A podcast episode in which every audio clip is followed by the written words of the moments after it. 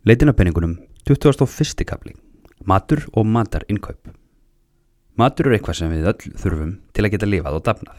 Við komumst ekki hjá því að borða og eins og við heyrum reglulega þá er matarkarfan ekki ódýr á Íslandi. Það er þó oft hægt að spara mikið með því að skipuleggja matarinkaupin vel og horfa á þessum áskorun eða verkefni sem þarf að leysa. Við skulum samt hafa það alveg á hreinu að við leggjum til að hort verði til hotlustu matar fyrst og fremst og í framhaldinu reynda að gera góð kaup. Hilsa okkar er einhver besta fjárfestingin því án hennar getum við ekki notið allra hinna fjárfestingan okkar. Hér á eftir höfum við tekið saman ráð og hugmyndir til þess að gera matarinkaupin hagkvæmari og um leið einfaldari. Skipulögð innkaup Skipulögðu matseðil fyrir vikuna og skrifaðu niður innkaupalista áður en þú ferði búðina og farðu eftir honum. Það segir sér sjálft að maður skal aldrei vestla í matin sem maður svangur. Slíkt ástand leiðir bara til ofneislu og óþarfa. Kauftu allt sem þú þart fyrir vikuna, nema þá helst ferskvöru eins og fisk og kjött og grænmeti fyrir þær máltíðir sem hugsunin er að elda síðar í vikunni. Þessi nálgun er ekki bara góð, góð fyrir verskið, heldur fyrir oft mikil orka í að ákveða hvað á að vera í matin og yðurlega fær maður verri hugmyndir þegar maður er þreyttur að loknum vinnudegi og ekki síður þegar maður er orðin svangur að kaupa í matinn. Maturuveslanir eru hannaðar með það í huga að við eigðum sem mest af penningum þegar við förum inn í þær. Af þeim sögum þurfum við að ganga í gegnum alla búðina til að kaupa mjölk, kjött og fisk, eitthvað sem að flestir kaupa. Ferskvara er oftast við útveki því hana þarf reglulega að endurlaða og selja hrætt. Þegar við erum komin inn í búðina er góð regla að forðast vörur sem eru í auknhæð. Óþarfa vörum er oft stilt upp í þannig hæð að við komumst ekki hjá því að sjá þær og verðum líklegir til að kaupa þær. Rannsóknir hafa líka sínt að við erum vana verur og heilar okkar mannana vilja frekar geta gripið til vana en að þurfa að velta fyrir okkur í hvert skipti hvort maður er að kaupa perur eða banana. Þetta er að sumuleiti nöðsynlegt að því við getum ekki velt fyrir okkur hverju einustu ákvörðun sem við tökum en það er gott að vera meðvituð um þetta.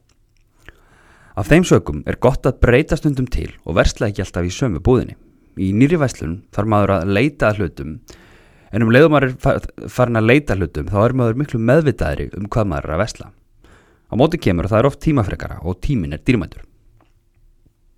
Það getur verið skinsamlegt að kaupa mikið magn af vöru og mat ef þrjú skilirði er uppfyllt. Að kílóverð vörunar sé ódýrara í magni heldur en í, í minnamagni og maður hafi plást til að geima þessar vörur og maður muni neyta þeirra áður en það skemmast eða eru, eru komnar yfir síðasta söludag.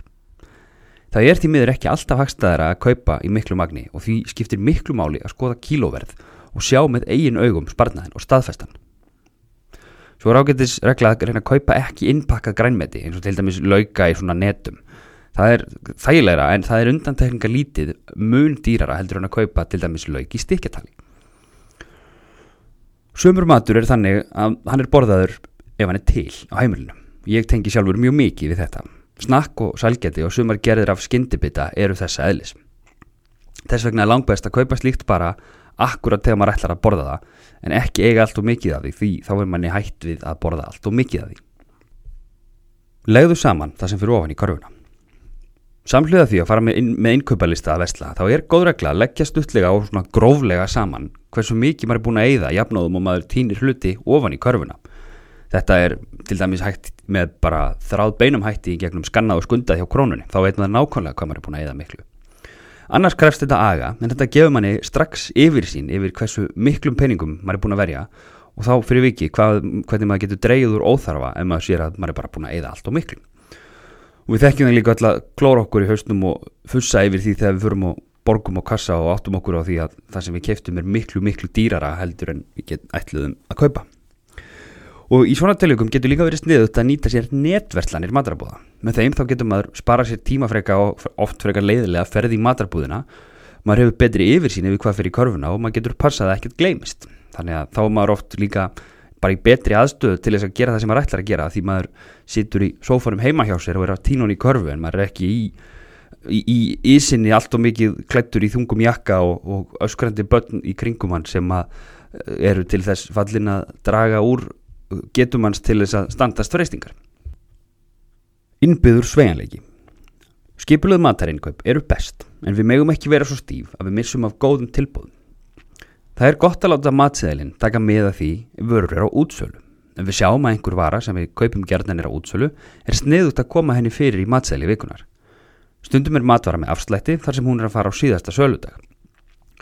Ef þú metur það svo og veist að gæði hennar hafa ekki rýrnað við það að vera á síðasta söludegi þá er ekkert í til fyrirstöðu að kaupa nokkur stykki af henni og frista til þess að borða setna af því fristing gerir það verkum að matur endist neklu lengur. Matur og venja Hver ákvaðinlega kvöldmatur skildi vera aðal máltíð dagsins?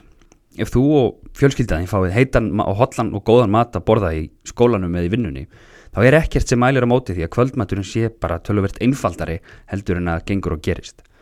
Það er ekkert að því að bera á borð ódýrari máltíðir eins og súpu og grauta og samlokur eða salat ef allir hafa fengið stóran mat í háttegin. Ef heimilisfólkið er mett og sátt eftir þetta, þá er ekkert því til fyrirstöðu að bara spara sér þetta því þetta sparar tíma og peninga og gefur meiri tíma til notalegri samveru eftir vinnudaginn.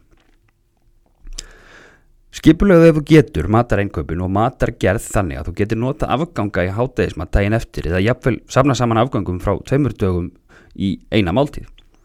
Það getur líka verið sniðut að gera tvöfalda eða þrefalda uppskrift og frista einn til tvo rétti til þess að eiga fyrir næstu daga. Þannig sparar ekki bara peninga, heldur líka tíma því það tekur jafn langan tíma að steikja eitt lauk og það tekur að steikja þrjá lauka. Út að borða. Ef maður vill fara út að borða á aðeins fítnæn skyndibita þá er ágættis regla að brjóta upp hefðina og fara út í hátteginu. Háttegismatselar veitingahúsa eru nefnilega yðurlega töluvert ódýrari heldur en kvöldmatselar. Skyndibitastæðir eru svo eitthvað sem á leifar sér við og við og þá getur verið sniðut að skoða tilbúð hjá símafyrirtæki með böngum sem oft bjóða upp á 2 fyrir 1 eða samsvarandi sem hafa tilbúin að fara út til dæmis á virkumdegi.